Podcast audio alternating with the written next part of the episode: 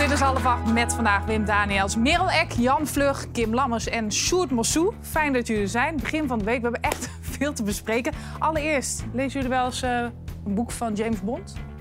Wel eens ooit gelezen, ja. Ja, goed boek? Ik vond ze toen wel leuk toen ik ze las. Het is een tijd terug. Maar er zijn ook weer dingen in aangepast. Of dat willen ze gaan doen, geloof Ja, ik. dat hè? gaan ze inderdaad doen. Dit is trouwens de vintage cover. Ik had eigenlijk nog nooit eh, gezien zo.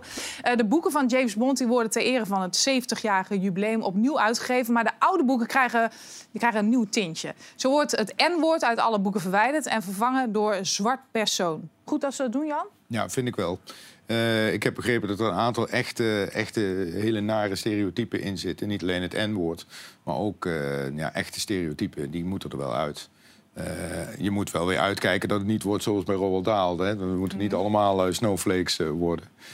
Maar ik vind dat je sommige dingen, die, die kunnen gewoon echt niet meer. Kuifje in Afrika is ook niet meer wat het in de eerste editie was. Nee, ik ben benieuwd wat je hiervan vindt. Want het N-woord gaat er dan uit, maar het volgende blijft er wel in staan. Praatzieke vrouwen die denken dat ze het werk van een man kunnen doen. Nou ja, dat klopt soms, in mijn geval dan.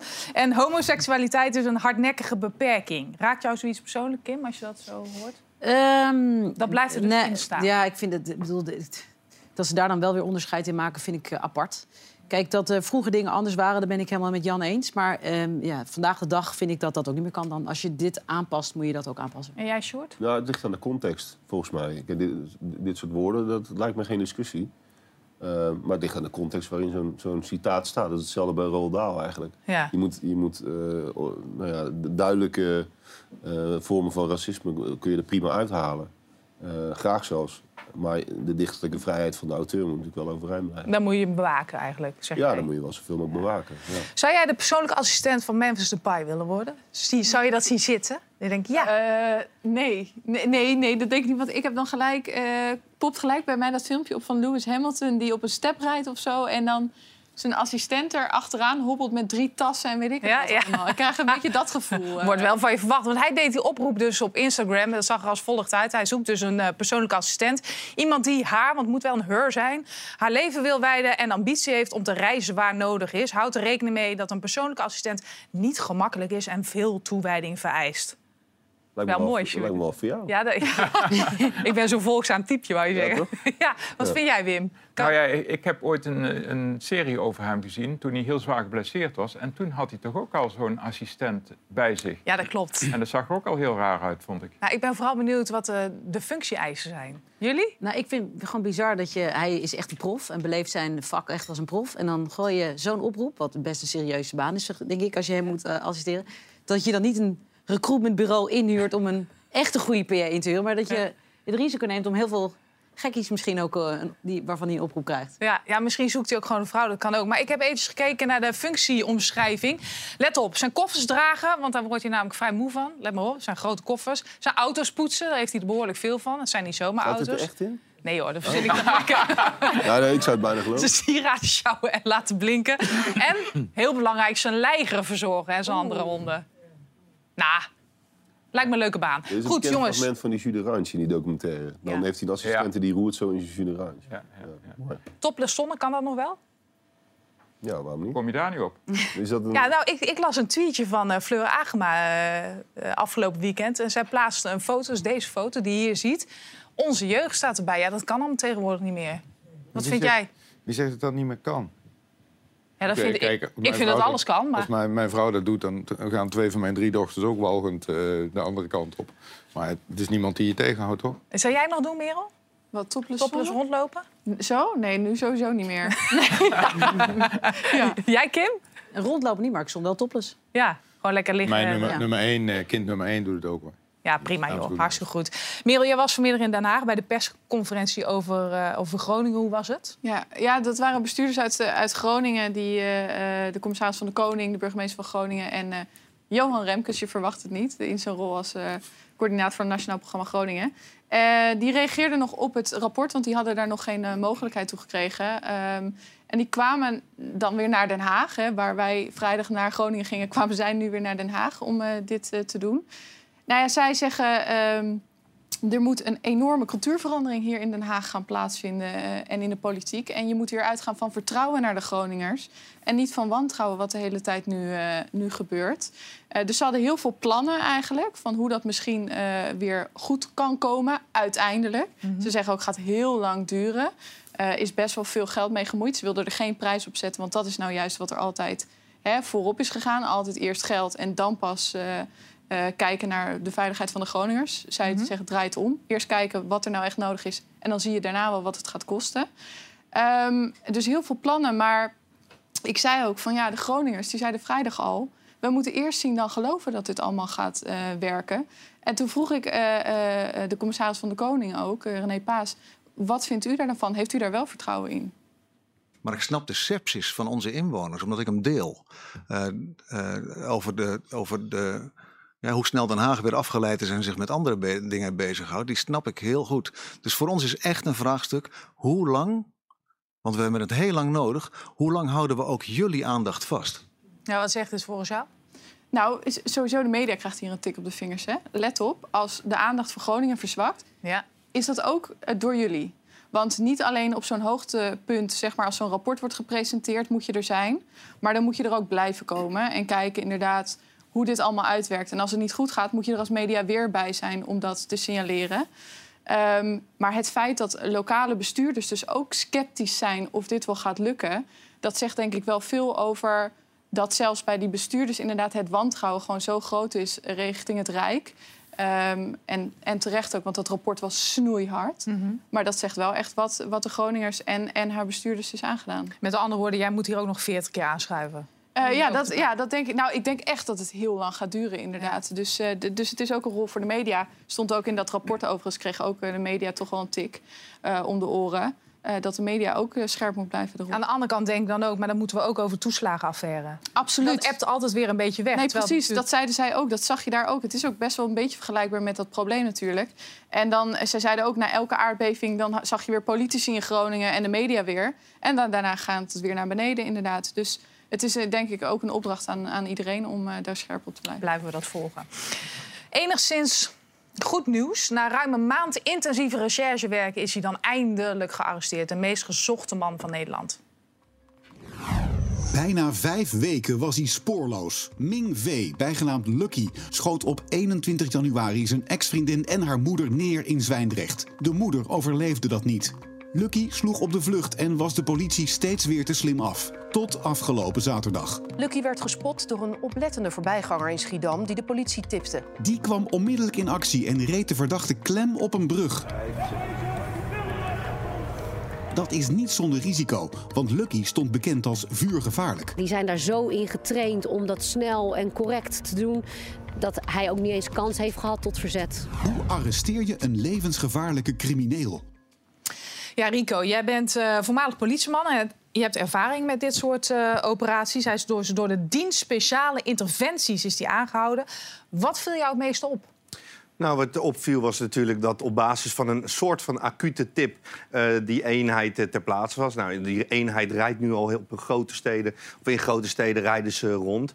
Ehm, ja, hoe is die tip tot stand gekomen? Zijn ze er al een eh, tijdje achteraan aan het rijden? Hebben ze een tip gehad dat hij in een woning zat? Zat er een observatieteam voor? Ik zie nu dat die auto's allemaal dezelfde richting op staan. Dat zou dan een voertuigprocedure betekenen. Maar het is voornamelijk eh, overrompelen bij zo'n verdachte. Omdat je niet wil dat hij de gelegenheid krijgt om in dit geval, volgens mij had hij ook een vuurwapen bij zich, om die eh, te kunnen pakken en mensen te kunnen verwonden. Ja, jij zei in ons voorgesprek al ik vond het vrij opvallend dat die banden werden lek geschoten. Waarom vond je dat opvallend? Nou, ten eerste keek ik naar de locatie waar hij was aangehouden. En dat is een, eh, een, een enkele rijbaan. En eh, veel kanten kun je niet op. En zeker de twee voertuigen die gebruikt zijn... eh, daar kom je met een busje niet zo ver mee als je die gaat rammen. Ehm, de andere kant is, het is best gevaarlijk om op een band te schieten. Eh, in dit geval ga ik ervan uit dat hij stil stond in die auto. Maar het is toch een bepaalde eh, eh, structuur, een band. En die kogel kan zomaar afketsen en ergens in een pand belanden. Nu gebruikt deze dienst speciale munitie met een hoge snelheid... waardoor je vrij makkelijk door zo'n band heen kan schieten. Maar het is niet eenvoudig. Nee, Niels, jij bent woordvoerder van de familie. Hoe hebben zij, eh, van de slachtoffers uiteraard... hoe hebben zij gereageerd op deze arrestatie? Dat was opluchting eh, afgelopen zaterdag. Het is, eh, er is in die week voorafgaand heel veel aandacht geweest. Er is eh, speciale aandacht geweest bij opsporing verzocht. Tegen haar zin in, maar omdat ze alles in het werk wilde stellen om hem te pakken te krijgen, heeft ze anonieme interview gegeven. Eh, ja, en dan een paar dagen later krijgen ze begin van de middag wordt ze gebeld door de onderzoeksleider, een van de zussen. En letterlijk, ik ben er niet bij geweest, maar heeft ze me verteld dat ze gewoon in elkaar zakt van emotie. Eh, en opluchting. Echt dat dit, dit eindelijk tot een einde is gekomen. Ja. Maar goed, dat krijgt vandaag opeens weer een vervolg. Eh, dat je opeens denkt, wat gebeurt hier nu? Ja, dat moet je even uitleggen. Ja. Want de moordenaar, want zo noemen we hem gewoon... want we gaan niet meer over vermeend schutter eh, praten... want hij heeft bekend ook. Ja, dat, dat was, wisten ze nog niet. Maar vandaag worden ze opeens verrast door, door nieuws wat er buiten komt... dat zo'n advocaat zegt hij heeft bekend. Maar vervolgens ook dat hij eh, zegt hij heeft een brief geschreven... dat hij spijt heeft en dat hij eh, vijf weken lang eh, niet is gevlucht eigenlijk voor de politie... maar tijd heeft gepakt om geld te verzamelen... om dan de schade die hij heeft aangericht goed te kunnen maken... Nou ja, ik, in één woord, ik heb de familie gesproken... vlak ook voordat ik hier naartoe ging ongeloofwaardig. Ze geloven er geen woord van en willen er eigenlijk ook verder aan die brief geen woord van maken. Nee, ze denken dat hij liegt en dat het een tactiek is. Absoluut. Ja. Anneke, die ligt nog in het ziekenhuis. Ehm, Ja. Ze is buiten levensgevaar, maar hoe gaat het met haar? Ja, ik heb Anneke zelf niet gesproken. Dat is ook heel bewust omdat we de familie... eh, dat kon ook niet in het begin. Eh, eh, ja, ze is aanspreekbaar. En ze kan zichzelf uiten, ze kan praten, ze is bij kennis. Alleen, ja, goed, er is wel enorm veel schade aangericht. Daar kan ik niet te veel vanwege haar privacy over zeggen. Maar dit gaat ze mentaal, maar ook fysiek echt de rest, rest van het leven met zich meedragen. Ja, begrijpelijk. Hij zou ook een brief hebben dus geschreven aan Anneke. Heeft zij die al gehad? Nee, niet dat ik weet. Die is eerst bij het OM afgeleverd, bij de officier van justitie. Maar ja, goed, blijkbaar heeft hij ook zijn advocaat een dag later opdracht gegeven. Nou, deel het ook maar met de buitenwereld. Al dan niet om de druk op te zetten dat hij bij haar terechtkomt. Mhm. Eh, dat is een keuze van Anneke zelf. Ehm, maar eh, ja, goed, eh, als het aan de rest van de familie ligt... eh, gaat hij snel de prullenbak in. Ja, Jan, hoe kijk jij hiernaar? Ja, goed dat zo iemand gepakt is. Die verklaring van zijn advocaat, dat kan natuurlijk, kan natuurlijk tactiek zijn hè, als advocaat. Ik ken het dossier niet, ik ken die verdachte niet, dat weet ik allemaal niet. Maar als ik kijk hoe ik er zelf in zou zitten... je kijkt altijd eerst, wil iemand, wil iemand proberen eronder uit te komen? En zo ja, eh, zie je daar een mogelijkheid toe? Nou, als dat niet zo is, dan heb je een andere strategie nodig. En dat kan dit zijn. Eh, dus kan dat- dit zijn of is dit gewoon? nou, dat kan. Dat- nou, dat het zo is, dat weet ik niet. Dit, nogmaals, ik ken het dossier niet, ik ken die verdachte niet. Dus het zou, zo, het zou goed zo kunnen zijn. En kijk, die man heeft natuurlijk afgelopen weken ook de kranten gelezen en eh, eh, de televisie gezien. Dus die weet misschien ook wel dat het een totaal kansloze procedure is om hier onderuit te komen. Ja, dan moet je toch, moet je toch een processtrategie eh, ontwikkelen. En dan kan dit heel goed zijn. Hoe zit het nou precies met... al, het is niet zeker of die geholpen is, maar als je geholpen wordt... dan ben je, neem ik aan, medeschuldig. Tenzij het familie is. Heb Nee, je bent niet medeschuldig aan de, aan de daad die iemand Nee, heeft verricht. Maar het, zeg maar het, het onttrekken aan de naspeuringen van politie en justitie, zoals dat heet, daar staat ze- maximaal zes maanden gevangenisstraf op. Bij terroristische misdrijven vier jaar. Behalve als je eh, rechtstreeks de familie van iemand bent. Want we vinden het, ja, kennelijk vindt de wetgever het niet kies dat je je eigen familie zou moeten verraden. Iemand hoeft ook niet zelf mee te werken aan zijn eigen veroordeling. Dus het feit dat hij zich niet gemeld heeft of dat hij vier weken op de vlucht is geweest, dat kun je hem niet eh eh strafverhogen, in strafverhogende zin tegenwerpen. Want je bent gewoon niet verplicht om mee te werken aan je eigen veroordeling. Maar waarschijnlijk kan het niet hoger, toch? Want wat zou het een strafmaat zijn? Nou ja, kijk, eh, voor dit soort zeer ernstige feiten... met tenminste één eh, dode en dan nog een ander een zwaar gewonde... ja, dan denk je, zit je al heel snel aan zeg maar, tussen 28 jaar en levenslang.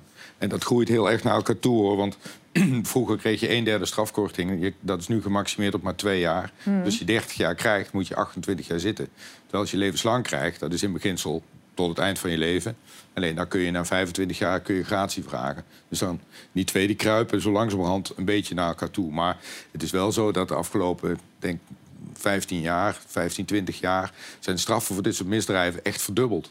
Waar je vroeger eh, wegkwam met een moord met 15, eh, 15 jaar. En dat was dan 10 jaar zitten. Dan wordt het nu bijna altijd iets van eh, nou, 28. En dan eh, gaan er nog twee af. Dan is het dus 26 jaar zitten. Dan zit je dus 2,6 keer zo lang vast als 15 jaar geleden. Hè. Dus het zegt nooit dat het allemaal zo slappe hap is in Nederland. Want dat is al lang niet meer zo. Nee, gelukkig maar. Vermoedt de familie eigenlijk dat, er, eh, ja, dat hij hulp heeft gekregen van anderen?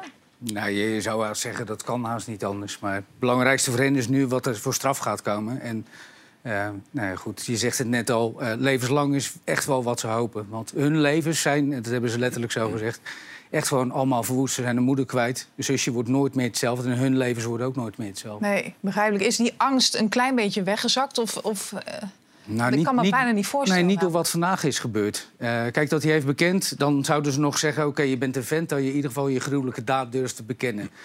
Maar ze hebben ook gezien uh, in hun verhalen wat ze hebben verteld... hoe hij heeft geopereerd in de, al die jaren daarvoor... dat, dat in hun beleving Anneke is weggehouden ja. bij de familie. Dat zij nu ook denken, nou ja, inderdaad, dit is een tactiek. En ze vonden ook de arrestatie waar Rico het over had... vinden ze zelf ook te toevallig. Waarom midden op een zaterdagmiddag, best wel druk, in Schiedam... Iedereen zoekt je vijf weken lang en opeens ben je daar. Mm -hmm. Even los van het tijdsverloop. Maar dat is dus wel het aardige van zo'n strafproces. Daar komen dus ook antwoorden op in het proces. Dat staat allemaal in het, in het proces verbaal. Dat is ook voor de nabestaanden heel erg belangrijk. Niet alleen uh, dat je weet hoe, het, hoe, nou, hoe, hoe er gebeurd is, wat er is gebeurd, hoe de aanloop er naartoe is geweest. Maar ook hoe de afhandeling door politie en justitie is geweest. Een strafproces is meer dan alleen maar het bestraffen van de dader. Dus ook juist in alle openheid uh, proberen te puzzelen wat er is gebeurd. Gelukkig maar, zo'n rechtssysteem hebben we dan in ieder geval. Zeker. Goed, dankjewel voor jullie verhaal. De verkiezingen die staan voor de deur, oftewel het is campagnetijd. De provinciale statenverkiezingen komen eraan en dus laten de landelijke politici van zich horen. We gaan knallen. Hoi, Mark Rutte hier. Het moet anders. Dat vinden wij bij BBB een grote schande. Politieke partijen proberen met hun tijd mee te gaan. Actief op socials, strakke commercials en livestreams waarin ze televisietje spelen. Welkom bij Forum Insight, de derde aflevering alweer. Tradities zijn er om in ere te houden. De SP houdt van protesteren op straat en al jaren krijg je bij de PvdA een roos. Iets dat zeker niet weg te denken is uit het straatbeeld, de verkiezingsposter. Sinds jaar en dag verzinnen de spindokters de mooiste one-liners voor op de plakmuur. Maar smaken verschillen. Wat is de beste verkiezingsposter aller tijden? Ja, ik moet eerlijk zeggen, ik verheug me al een tijdje op dit item. Vind ik hartstikke leuk, Wim. Want jij bent onze eenkoppige jury, om meteen uh, van wal te steken. Welke viel jou het meest op in deze verkiezingscampagne? Welke poster? Dat is toch uh, de poster van BBB, de, van de boeren. Hier zie je hem ook. En die valt op door twee dingen. Um, dat daar uh, BBB staat. Het is een soort van grapje. Ik denk wel dat ze er even over nagedacht hebben. Kan dit wel? Want mensen uh, kunnen ook, uh, die stotteren kunnen zich daaraan storen misschien. maar goed, ze hebben er uiteindelijk bewust voor gekozen. En heel opvallend is dat je deze poster, dit affiche, overal ziet. Dus die, die, die andere partijen die hebben ergens zo'n gemeenschappelijk bord waar ze op staan. Maar zij hebben het geluk dat ze ook allerlei weilanden kunnen gebruiken. Ja. Dit springt er echt bovenuit. En het heeft ze best veel geld gekost, toch? Merel, ze hebben best uh, wel gesmeten met geld. Zij, zij zijn voor, voor een kleine partij best wel aan het smijten met geld. Ze hebben nu tussen de 5 uh, ton en de 7,5 ton uh, ongeveer gaan ze uitgeven aan deze campagne. Maar ik belde dus nog even voor de uitzending en wat blijkt nou? Ze hadden eigenlijk wel meer willen uitgeven. Mm -hmm. Maar ze houden er heel rekening mee dat het kabinet dit jaar valt. Dus oh, ze ja? willen een soort reservepotje houden... nog voor het geval ze daar ook campagne moet voeren. Ja, ja. Maar wat daar ook in zit in dat budget... is dus inderdaad mensen die deze spandoeken aankopen... Ja. en dat gewoon inderdaad in hun, uh, in hun weiland zetten. Dus bijna een soort van gratis ja. campagne. Ja, uh, ja want je mag het niet op de provinciale weg zetten, langs de provinciale weg. Dat is verboden, maar in weilanden mag het wel. Ja. En dit geeft ook aan dat ze een behoorlijke achterban hebben. Doen ze slim. Je hebt ook nog uh, BB Bipraten. Ja, zij zijn ook nog echt, zij, zij, zijn zichtbaar. Ook in, ik wil het woordje platteland niet gebruiken, want dat vind ik echt zo'n raar woord voor Nederland. We hebben eigenlijk geen platteland meer, of alles is platteland zou je kunnen zeggen. Ook de stad is platteland. Um, maar zij gaan ook naar de regio toe en zij spreken de mensen ook in hun dialect aan. Ze zijn het meest zichtbaar en het dichtst bij de mensen. En dat gaat ze, ik geloof dat dat een voorspelling achteraf is, veel zetels opleveren. Goeie strategie. Uh, je hebt nog meer parels geanalyseerd. Wat viel je nog meer op?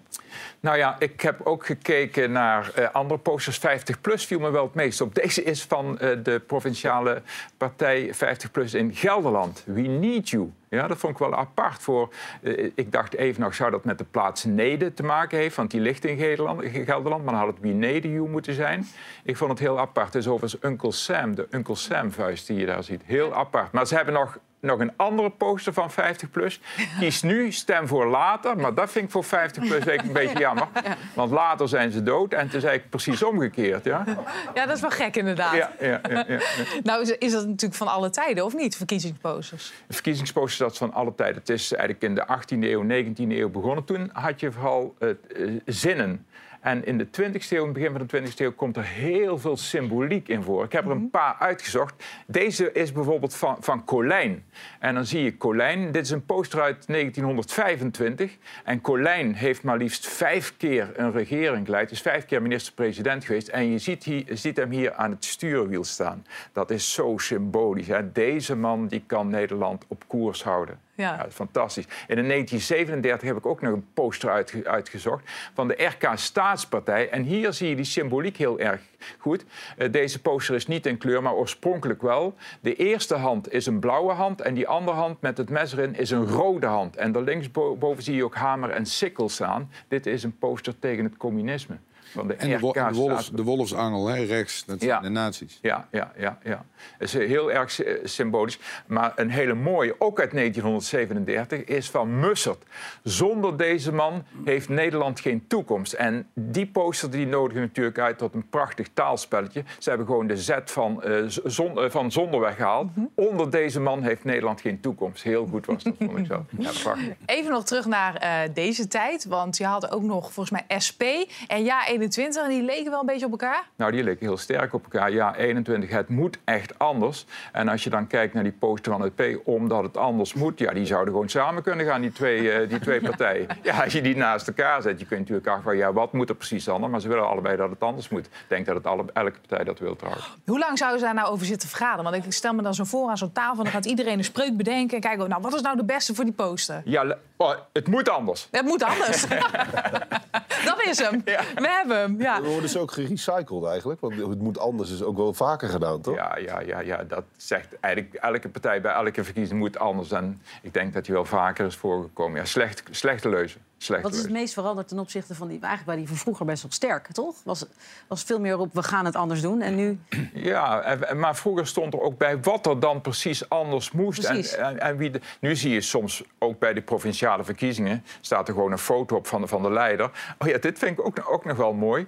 Wat helemaal verdwenen is, en dat is wel een tekenend voor, voor deze tijd... vroeger gingen heel veel mensen bij de verkiezingen ook posters voor het raam thuis. Ja.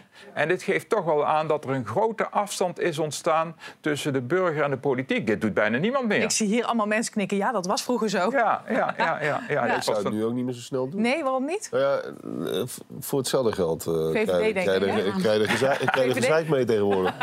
Jij bent maar- een vriend met Klaas Dijkhoff. Ja, maar ik stem niet op de VVD. Nee, nee, Jij nee. denkt dan Nee, maar- de steen door maar uit. Of Nee, maar dat speelt wel mee, Sjoerd. Dat, dat, dat denk ik zeker. Ja, dat mensen zeggen, oh, oh, daar ga ik niet aan beginnen, hoor. Je weet begot niet wat er gebeurt. Nou, mijn ouders, echt de middenstanders, die hadden een winkel. Als je dat voor je ruit eet, ja, dan dacht je dadelijk...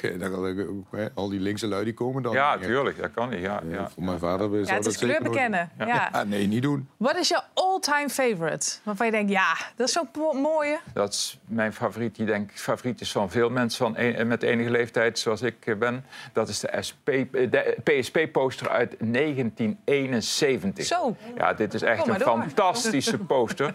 Overigens zit daar wel een heel verhaal achter. Het meisje die je ziet was hier 25, Saskia Holleman. Ze is in 2013 overleden. En ze had daar helemaal niet voor geposeerd. Ze had geposeerd voor Sextant. Voor, voor het blad Sextant.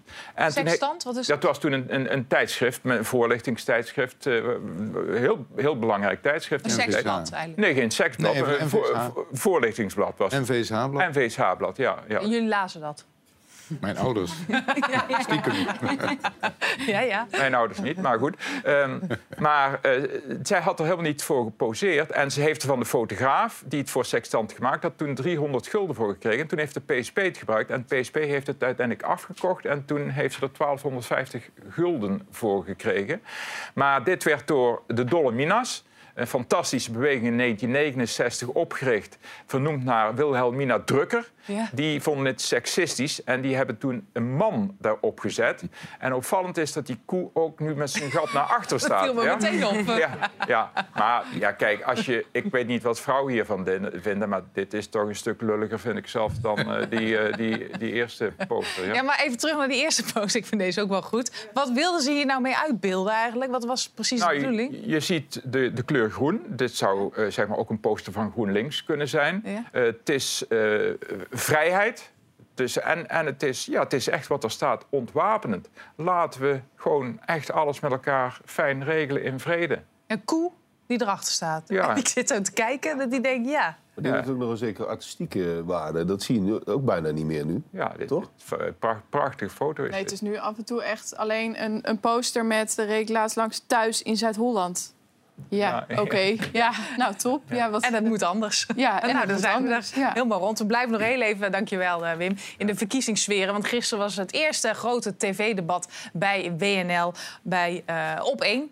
Goed debat, Merel? Genoten? Uh, nou, ik, nou uh, ik heb echt gekeken dat ik dacht, wat heb je hier als kiezer in vredesnaam aan? Het is um, heel veel door elkaar heen gepraat. Het was ook niet een mooi uh, visitekaartje, denk ik, voor, voor de politiek. Uh, mensen die elkaar niet uit laten praten. En dan vervolgens ook moesten ze alle zes de hele tijd toch er wat over kunnen zeggen. Mm -hmm. Dus er kwam, het kwam ook niet echt tot de diepte. Iedereen kon zijn one-liners een soort van erin gooien. En dat was het dan. En door naar de volgende stelling. De partijen die mochten zelf hun stellingen ook inbrengen. Wat ook niet altijd leidt tot, tot lekkere stellingen... waar je echt als kiezer wat uh, aan hebt. En ja... Je kon ze alle zes niet kiezen. Je, kunt je? Kunt ze toch alle nee, zes kan, niet kiezen? Nee, dat was ook nog een kritiek. Ook sommige stellingen, uh, hè, bijvoorbeeld eentje stelling over koopkracht. Ja, wat kun je daar nou als, als provinciale staten of als uh, Eerste Kamer nou echt aan doen? Dat zit meer gewoon bij de Tweede Kamer en het kabinet op dit moment. Dus uh, daar was inderdaad uh, nogal wat kritiek op ook. Uh, Edith, Edith Schippers met uiterst populistische praatjes over het taakstrafverbod. Echt tenen krommend. niets met de provincie nou, te maken. Speciaal voor jou hebben wij nog een leuk fragmentje. Oké. Okay. U ziet de stelling staan. Stikstofdoel 2030 negeren. Stilstand keren. Uw stem graag. Ik wil graag dat iedereen daarop stemt. Ja. Mevrouw Schippers? Ik, uh, ik stem niet op een, uh, op een stelling die alleen maar bedoeld is om te polariseren. Nog. Oh. ja. Dan mag u zo meteen. Dat mag VVD. Ja, zoiets verder. De kiezer weet dus niet wat hij heeft aan de VVD. Wacht. Op Geen kleur Ik geef eerst. Ja, natuurlijk is het strategie. Nee, ja, dit, was, dit, is, dit is best wel uh, bizar. Want daar zitten dus drie coalitiepartijen op een rij. Hebben ja. alle drie afspraken met elkaar gemaakt over stikstofdoelen. 2030 staat, dat willen ze straks in de wet opnemen. Hebben ze wel gezegd, moeten af en toe wat eikmomenten. Maar 2030, dat wordt het gewoon. Uh, als die erdoor komt door de mm -hmm. Eerste Kamer. En dan gaat de VVD, wil niks erover zeggen, ja, want het ligt gevoelig. D66 is het ermee eens. En CDA gaat er tegen stemmen, omdat ze het dan niet heilig willen verklaren. En daar, waar zit je dan ook als boer, denk ik, naar te kijken? Coalitie die allerlei plannen uitrolt... en dan nu in zo'n debat voor de vorm inderdaad allemaal een andere uh, kant kiest. Ja, want ze wilden mensen niet op de tenen trappen, hè? Nee, ja, ze zegt dit is polariserend. En hierna komt een stelling, uh, meer koopkracht, minder asielzoekers... En daar stemt ze dan wel voor. Ja, dan denk ik, als, je dit, als dit polariserend is, dan is de volgende stelling... waar kun je dan... En Paul van Menen zei ook, dit is zo'n nieuw debattrucje... Ja. om elke keer te zeggen, oh nee, dit is polariserend, hier ga ik niet op in. Dus dit, dit was wel een heel apart moment in het debat, inderdaad. Ja, maar, maar, maar, je zou bij die provinciale verkiezingen... zou je die, die mensen van de landelijke politiek echt weg moeten laten. De, ja, het gaat over, over de provincie. Mm -hmm. wat, wat, wat komen die mensen daar steeds doen? Daar, daar, daar, heb je niks aan. En soms denken ze in de provincie over bijvoorbeeld stikstof nog ja, heel anders. absoluut. Dat is ook nog een, een proble ja. probleem inderdaad. Bij sommige afdelingen van CDA en VVD... Ja. die zijn van plan iets heel anders uit te dragen in de provincie... dan inderdaad de landelijke uh, kopstukken en de politiek. Dus, maar goed, dit is ook misschien ook weer de media die je aan kan kijken... die dit dus wel bijvoorbeeld faciliteert of, uh, of uitnodigt. Want je gaat Ach, straks die media ook nog... toch. Ja, je gaat straks, dit, zijn de eerste, dit is dan op zich nog de Eerste Kamer kopstukken. Je gaat straks in de laatste debatten toch ook vooral de landelijke echte Tweede Kamerkopstukken. Nou, kunnen we ons weer lekker gaan irriteren. Dat is toch ook fijn. Hebben jullie deze foto trouwens gezien? Heb jij hem gezien, Kim? Let op. Deze foto, kijk eens, de tovenaar van Manchester United. Nee, deze heb ik niet gezien. Nou, goed, hè, dat kunnen ze daar wel bij de BBC. Erik ten Hag won gisteravond met Manchester United... voor het eerst sinds zes jaar een prijs. Zou het een succes worden? Erik ten Hag uit Haaksbergen Coach van een van de grootste clubs ter wereld, Manchester United. Met dit elftal is er geen eer te behalen. Je kunt het nooit heel erg goed doen. De fans zijn wel enthousiast over zijn komst. Getuigen hun bijzondere Erik ten Hag lied.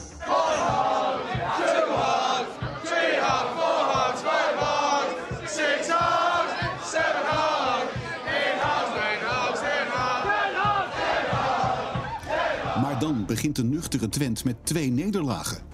Sterspeler Ronaldo eist een basisplek en wordt door Ten Hag uit de selectie gezet. Daarna gaat het goed draaien bij de Red Devils. Afgelopen week schakelden ze Barcelona uit in de Europa League. En gisteren pakten ze hun eerste prijs in zes jaar.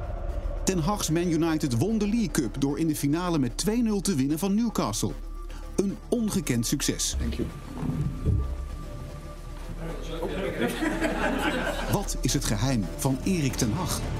Ja, wat is zijn geheim toch? Overigens, League Cup is het eh, tweede beektoernooi daar in Engeland. Maar de kranten zijn lyrisch shoot. Hij krijgt gewoon mythische proporties. Ja. Snap je dat? Nou ja, het is, het is fascinerend om te zien. Ik was er een paar weken geleden en, en dan komt hij dat, eh, dat stadion inlopen vanuit de hoek.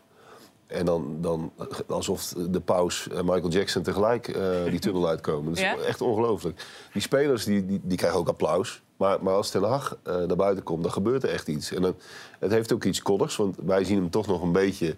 als die, als die eh, nou ja, even onerbiedig gezegd, de- de- het boertje uit, eh, uit Twente. Ja. En, en dat is daar helemaal niet. Zo kijken ze helemaal niet naar hem. Ze zien hem echt als een, als een verlosser. Ja, eigenlijk best gek, hè? Want ik, ik heb inderdaad datzelfde gevoel. Zeker toen hij net bij Ajax kwam. Was heel lastig ook nog, communicatief. Maar daar is het charmant, lijkt het wel, in ja, Engeland. en, en het komt natuurlijk eh, voor een groot gedeelte om zijn, om zijn prestaties. En hij heeft een aantal dingen bereikt in hele korte tijd... die gewoon heel veel indruk maken. Die club heeft tien jaar lang geen kampioenschap gewonnen. Ja. Eh grootste club van Engeland, dus dat is natuurlijk eh, dramatisch. En, en hij heeft dat voor eindelijk, na tien jaar, is hij dat weer een beetje aan het- omdraaien. Sorry. En daar is gewoon heel veel waardering voor. De manier waarop hij Ronaldo heeft, heeft gehandeld. Hè, die, de, de grote sterspeler die, die eigenlijk op een hele slimme manier uiteindelijk de deur uit heeft, heeft gewerkt. Mhm. Hij wist in de zomer, als ik nu de confrontatie met hem aanga, dan win ik het niet. Want dan zijn de, kiezen de, de fans kiezen de kant van Ronaldo, want die status had hij toen nog. Maar dacht, als ik de lat nou heel hoog leg, en die leg ik zo hoog dat ik eigenlijk stiekem wel weet dat die, dat die Ronaldo dat nooit meer gaat halen op zijn Ja. eh, 36e. Dan, dan, dan zien de mensen het vanzelf en dan, en dan kan ik wel, wel van hem af. En dat is precies wat er gebeurd is. Ja, hij strijdt natuurlijk nog mee om de FA Cup. Landstitel, acht punten achterstand, wordt dan lastig. Maar wat maakt hem zo goed, behalve dan dat hij eh, Ronaldo eh, duidelijk is geweest tegen Ronaldo... wat maakt hem verder dan zo goed? Nou, hij is, hij is heel stoïcijns. Echt heel stoïcijns. En heel eigenwijs. Mhm. Hij komt, uit, eh, hij komt niet uit een achterbuurt of uit een, ook niet van een boerderij uit Twente. Hij komt echt uit een ondernemersgezin. En, ehm, maar wilde al heel lang alleen maar voetbal, voetbal, voetbal. Hij, het is wel een beetje een oogklepperman. Hij houdt van, van carnaval en hij houdt van Ja. voetbal. Ik heb heel lang geprobeerd om een carnavalsfoto te vinden. Is er niet, hè? Is, ja, ik Nee. heb hem ooit gezien, maar ik kan hem niet meer vinden. Nee, precies.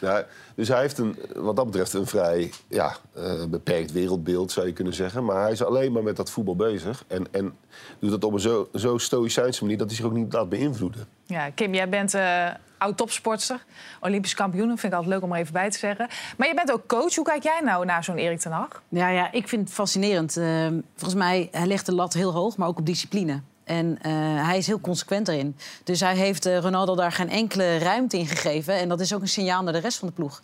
Helemaal na dat interview natuurlijk wat, eh, wat uitkwam. Maar er waren meer spelers. Volgens mij was Rashford ook een keer eh, bestraft. En ik las ook in een eh, interview dat hij laatst zelf... was hij er- of ergens te laat of dat ze iets niet gewonnen had. hij 13 Oh ja. kilometer, eh 13 kilometer meegerend in een, in een training. Ja. Dus ik geloof heel erg ook in het juiste voorbeeld geven. Maar hij, hij, hij is zo consequent in de keuze die hij maakt. En ik geloof dan ook dat een team daarin mee gaat bewegen. Ja, nu zit hij in Engeland, maar had weinig geschild, hè? Of hij zat in Italië. I like Italy. I, I, I like the culture. I like the people. I like the country. So it's fantastic also how they expire uh, football. So yeah, really good country.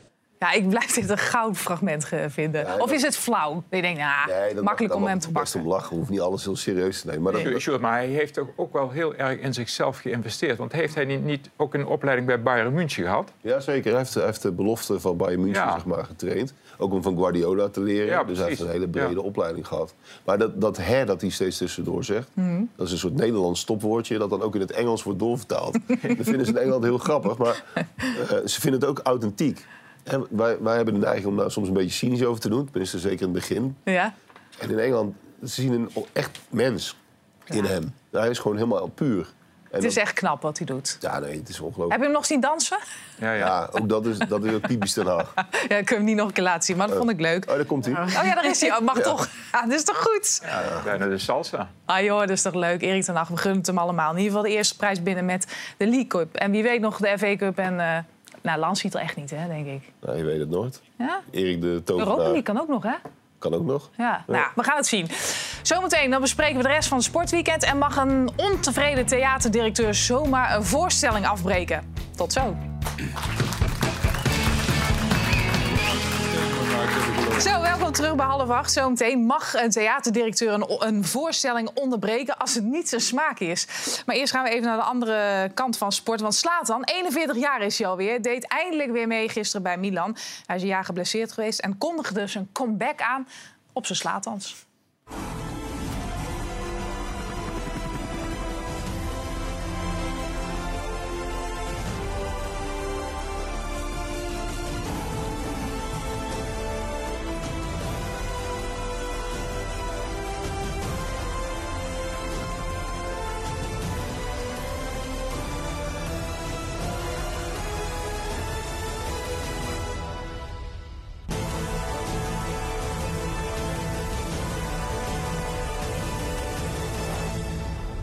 Finally, I am back.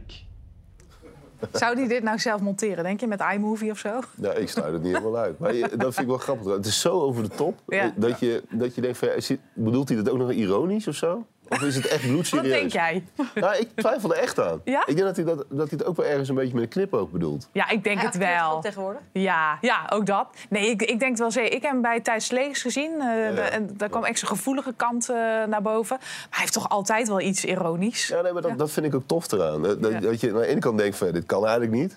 En toch eh, ja, zit er een soort grap in of zo. Ja, een absoluut topspeler. Eh, over eh, een andere topspeler, topspits gesproken, Brobby. Jij bent ook spits geweest, Kim. Brobby, topscorer van Nederland. Staat er niet altijd in, snap jij dat? Nee, kijk, ik, ik eh, ga hier natuurlijk wel de echte spits een beetje verdedigen, want dat was ik zelf ook.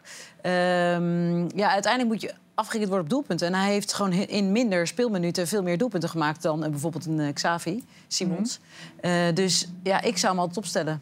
Maar maakt het dan uit dat hij in het begin best wel wat scoorde... en eigenlijk later eh, een beetje klad in kwam? Ehm, nou ja, dat, dat kan gebeuren, maar hij is echt super gretig. Ik vind overigens dat hij altijd wel heel rustig blijft op een of andere manier. Maar ja, Bergwijn blijft maar kansen krijgen. Blijft bij Ajax maar kansen krijgen. Terwijl Tadic van de linkerkant het ook vrij goed doet volgens mij. En de beste aangever is waar hij misschien heel veel doelpunten uit kan maken. Dus ik zal op een gegeven moment wel ehm, ja, weer misschien hem laten starten in ieder geval. Vind je trouwens dat spits eh, over het algemeen kritischer worden benaderd dan andere spelers? Zeker. Ja, Ja, nou ja, ik heb er altijd. Ik heb mijn hele carrière heel veel doelpunten gemaakt. Ja. En ik heb toch altijd wel moeten knokken tegen toch de flegmatieke, handige spelers. En dat is eh, ook. Ik, had, ik heb er een column over geschreven over de vergelijking Wout Weghorst. En dan gaan mensen heel erg. Ja, is eh, Memphis Depay dan niet rendabel? Zeker, is heel rendabel. Maar als je puur naar eh, speelminuten gaat kijken en naar aantal doelpunten, heeft Weghorst ook een heel hoog gemiddelde. Maar het ziet er wat bonkiger, wat houtiger uit. Dus we, houden toch vaker van, van dat mooie technische voetbal. Maar ik, ik, ik ben nu zelf coach hè, en ik merk nu ook... eh, scoren is niet aan te leren. Dat is gewoon een talent. Dat is een bepaald gevoel. Dat heeft met timing te maken. Voor instinct. Ja, dat is dat wel, ja. En we, kunnen, we hebben genoeg mooie voorbeelden uit het voetbal. Maar ik heb dat ook ja, zelf ervaren. Ja, het zou de reden dan zijn dat je dan toch uh, opstelt in plaats van Brobby. Och, dat zijn allemaal tactische redenen. Maar dat gaat te ver om hier helemaal uh, verder uit te leggen. Maar ik heb heel veel last uh, van haar gehad. Dat zij uh, dat toorinstinct had. Ja. Niet te verdedigen dus, super. Had jij niet dus? Nee, ik niet. Nee, maar ik moest haar verdedigen, dus dat ging dus. Ik was, was de keeper, dus ik had... nee, dat werkt niet. Heb je het gezien? 10 kilo is hij kwijt. Moet je even opletten. Max Verstappen in zes weken tijd. Kijk, eerst zag hij er zo uit. toen had hij een vrij moment. Hoppakee, is een beetje aangekomen. leuk hè, dat Photoshop. Dat vind ik zo leuk. maar hij is in ieder geval 10 kilo kwijt in eh, zes weken tijd. Eh, kan dat, Kim? Ja, natuurlijk kan het. Maar vind je dat het goed is voor het lijf? Nou ja, kijk, topsport eh, per definitie is niet goed voor je lijf. Dus eh, als hij, ik las in een interview dat hij dat ook nodig heeft om even, als het seizoen voor hem even klaar is, en dat is een maand, dat hij dan even lekker van het leven geniet. En ik vind het vooral heel knap dat het hem lukt om dan weer in zo'n korte tijd snel weer op, op gewicht te zijn. Ja, deed jij dat ook eigenlijk? Dat je even gas terugnam na de Nou Olympische ja, je, Spelen? je hebt mij ook in de begintijd was ik sowieso wat voller. Dus ik had er iets langer voor nodig om, eh, om weer. eh, nee, gelukkig niet. Nee. Ja, mooi. Max Verstappen. Overigens, wist u dat als je een race hebt gereden... dat hij zomaar twee kilo afgevallen kan zijn door één race? Door het zweet? Door het zweet. Ja, ja, ja. Ja, het is een super inspannend natuurlijk. Eh, Gigantisch. Hebben jullie gekeken naar het wielrennen? ja, zeker. Want jij bent een wielerliefhebber. Ik ben een oud wielrenner. Ja. Het is wel een heel groot woord voor iemand die alleen maar bij de aspiranten en de nieuwelingen heeft Ja, maar je hebt wel eens gewonnen. Twee keer. De ronde van Valkenswaard en de ronde van Gerwen. Kijk. En de, en de ronde van Gerwen was de klassieker onder de criteriums. Dus het niet maar bij de aspiranten. Bij de Ja, maar, maar maakt helemaal niet uit. Kijk, eh, ik wou zeggen, daar ben je, maar dat ben je dus niet. Nee, maar we hebben wel een foto uit die tijd. Want jij dacht, ronde mis is erbij. Die mag geen kussen.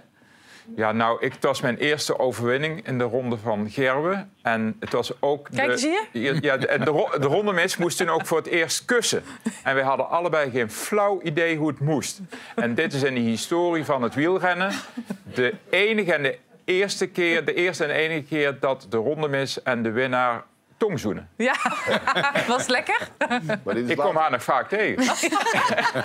Gênant of niet? je vrouw geworden later, of niet? Nee, nee, nee. nee, nee. Maar ik kom haar nog vaak tegen in Wielercafé De Stam in Gerwen. Ehm, en dan zeggen de omstanders steeds, doe het nog eens een keer. Ja, En jij heel gretig? Ja, ja, ja. dat is ongelooflijk. Rechts zie je mijn broer Rini en daarachter staat de, de speaker Cor Weidenes. Ja, leuk. Ja. Ja, we hebben het over wielrennen. Jumbo-Visma was natuurlijk weer fantastisch dit weekend. Dus misschien wel een opmaat naar een heel mooi seizoen. Wonnen, eh, tenminste Dylan van Balen won natuurlijk omloop het Nieuwsblad.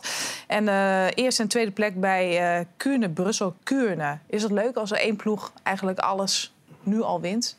Nou ja, kijk, heel veel, was zo'n eh, ploeg. heel veel grote namen hebben niet meegedaan. Maar ik vind het wel mooi om te zien hoe je met een ploeg zo'n wedstrijd kunt domineren. Of dat probeert te doen. Ja, het is aan- echt een teamprestatie, hè? Ja, zeker. Fantastisch vond ik het, ja. En het is aan de andere teams om te kijken of ze dat kunnen doorbreken. Dat zal best een keer gebeuren, hoor. Ja. Ja. Het zijn de eerste twee wedstrijden. Zaterdag heb je Strade Bianchi. Dat is een heel ander soort wedstrijd. Ja, ik heb er zin in. Ja. Ja, gaat te ver om dat helemaal uit te leggen, maar dan komen we vast Weet je wat een Strade. Bianchi betekent? Nou, Grindweg.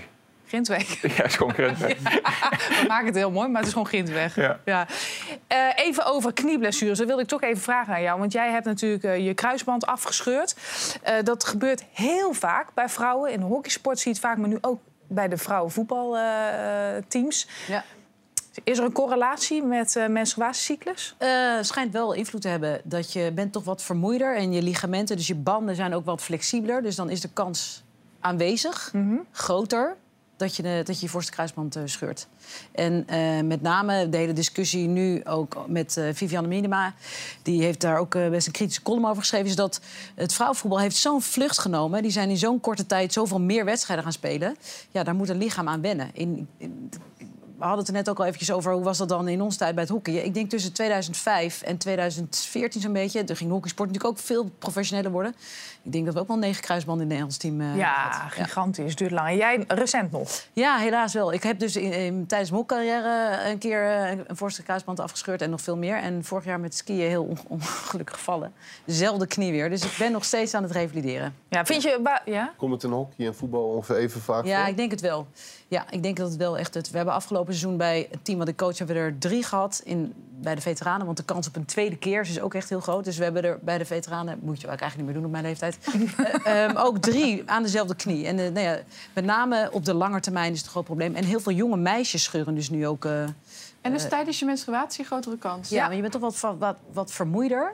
Dus de kans is iets groter. Als, bijna allemaal waren ongesteld toen wij eh ons kruis. Wordt er dan ook uh, moet Oh ja? apart op getraind? Ja, ja. Nee, maar ik denk dat met de data van wat we allemaal kunnen nu... en met meten en met eh, eh, je pomps invullen... dus dat is elke ochtend en elke avond en zo zo na een training... eh, een, een, een vragenlijst invullen. Hoe voel je je? Ben je vermoeid? En kijk, de eerste keer dat ik hem afscheurde was ik ook vermoeid. Maar ik wilde geen training missen. Dus ik had een ontstoken teen, ik trok mijn loopschoen aan... en ik wilde per se hockeyen. Ja, op dat moment moeten wij als, als trainer en als staf ook ingrijpen... en zeggen, joh, twee weken aangepast programma... mis je misschien twee wedstrijden kostte mij de Olympische Spelen en ik lag er vervolgens een jaar uit. Dus daar moeten we gewoon... En dat kan tegenwoordig met, met de data die we hebben veel beter monitoren. Ja.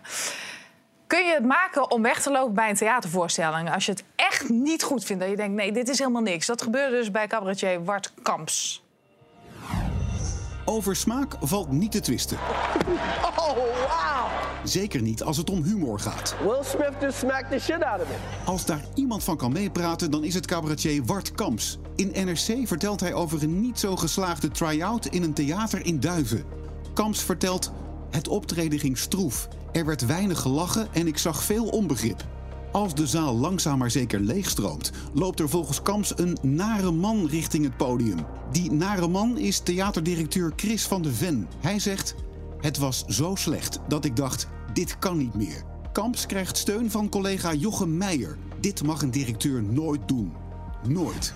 Mag een ontevreden theaterdirecteur een voorstelling afbreken? Nou, Jochem Meijer is daar heel duidelijk over. Zijn jullie wel eens weggelopen bij een eh, voorstelling? Nee, ik heb wel ooit meegemaakt, dat, wij geven een, eh, we hebben een voetbalshow in Breda. Ja. Dat heet Bier en Ballen. En daar kwam Freek de Jonge. Ja. En dat ging ook niet helemaal lekker. En toen liep Freek zelf het podium af. Oh ja? Ja, maar dat, dat- ja, Doet hij wel eens vaker? nee, maar dat, dat, dat, was, dat is wel schokkend als je, als je... Want ik ben dan zelf de th- theaterdirecteur. Ja. Dus dan overkomt je dat. En dan, eh, dan denk je, wat gebeurt hier? Maar hij, hij legde de schuld volledig bij zichzelf. Zo van, ja, ik had mijn dag niet en ik had, het werkte niet. Ja, dat kan met wel het publiek. eens. En dat kan wel eens. Ja. Maar die ging zelf. En, en het lijkt mij niet de taak van zo'n directeur om dat eh, te beslissen, toch? Wat Dan vind moet jij? de artiest altijd zelf Nee, doen. dat kan echt niet. Maar ik zou dat natuurlijk wel meteen, als, als ik op het podium zou staan, zou ik daar wel iets mee gaan doen. Ja, wat zou komt je de doen? theaterdirecteur komt het podium op. En de zaal, de, de, de helft is misschien weg, maar daar kun je natuurlijk wel een fantastische act van maken. Als, misschien, misschien is het ook wel met opzet gebeurd, dat, want ik denk dat die zalen nu vol gaan stromen bij die voorstelling. Ik heb geen idee. Ik heb die voorstelling niet gezien, maar het ging erover dat hij zei dat hij God was. Ja. En eh, liepen mensen weg en zegt hij: hey, niet weglopen als God praat. Nou, daar heeft hij een puntje. Nou, ik, ik moet tot mijn, tot, mijn- tot, tot mijn grote schande moet ik bekennen dat ik eh, 40 jaar geleden op de middelbare school... dat wij met de hele klas zijn weggelopen bij Hans Dorrestein. Oh. Wij snapten daar niks van en we vonden het allemaal linksgelul van die, eh, die, die leraren... met hun eh, kernwapens, nee, kernwapens nee bedankt stickers. Toen zijn we met z'n allen weggelopen. En heb ik 25 jaar na dato, toen ik zijn biografie had gelezen... en ik las dat hij in die periode diep depressief was... Oh. heb ik hem een lange brief geschreven waarin ik mijn, diep mijn excuses heb aangeboden. Toen kreeg ik een hele geestige brief terug, want het is namelijk een hele grappige man natuurlijk. Ja. Eh, dat, hij, eh, dat hij vreselijk had moeten lachen om een, eh, om een brief en dat, ik, dat hij in, die in dank de excuses aanvaardt. Ja, maar moet, moet zo'n grap kunnen? Of denk je, is een beetje flauw dat ze weglopen? Nee, zo'n grap moet natuurlijk kunnen. Ja. Ik heb zelf één keer meegemaakt eh, dat een man na afloop naar me toe kwam. Ik speelde ook een, ook een voorstelling. En ik had ook een verkiezingsposter toen besproken van de, van de SGP. Ja. Waarop stond daad bij het woord. Ja. Dat vond ik echt vies voor, voor de SGP, de daad bij het woord. Het woord was ook met een hoofdletter geschreven, was heel gek. En toen kwam een man na afloop naar me toe en die zei tegen mij... jij gaat naar de hel. Ja. Oh. En toen zei ik, nou, bijna, want ik moest die avond toevallig nog naar Helmond. Dus dat scheelt niet veel. En daarmee sluiten we dit programma af. Jongens, bedankt allemaal. Fijn dat jullie er waren. Morgen dan ben ik er weer en zit Fred Tevier en Bobby Eden kijken. Bye.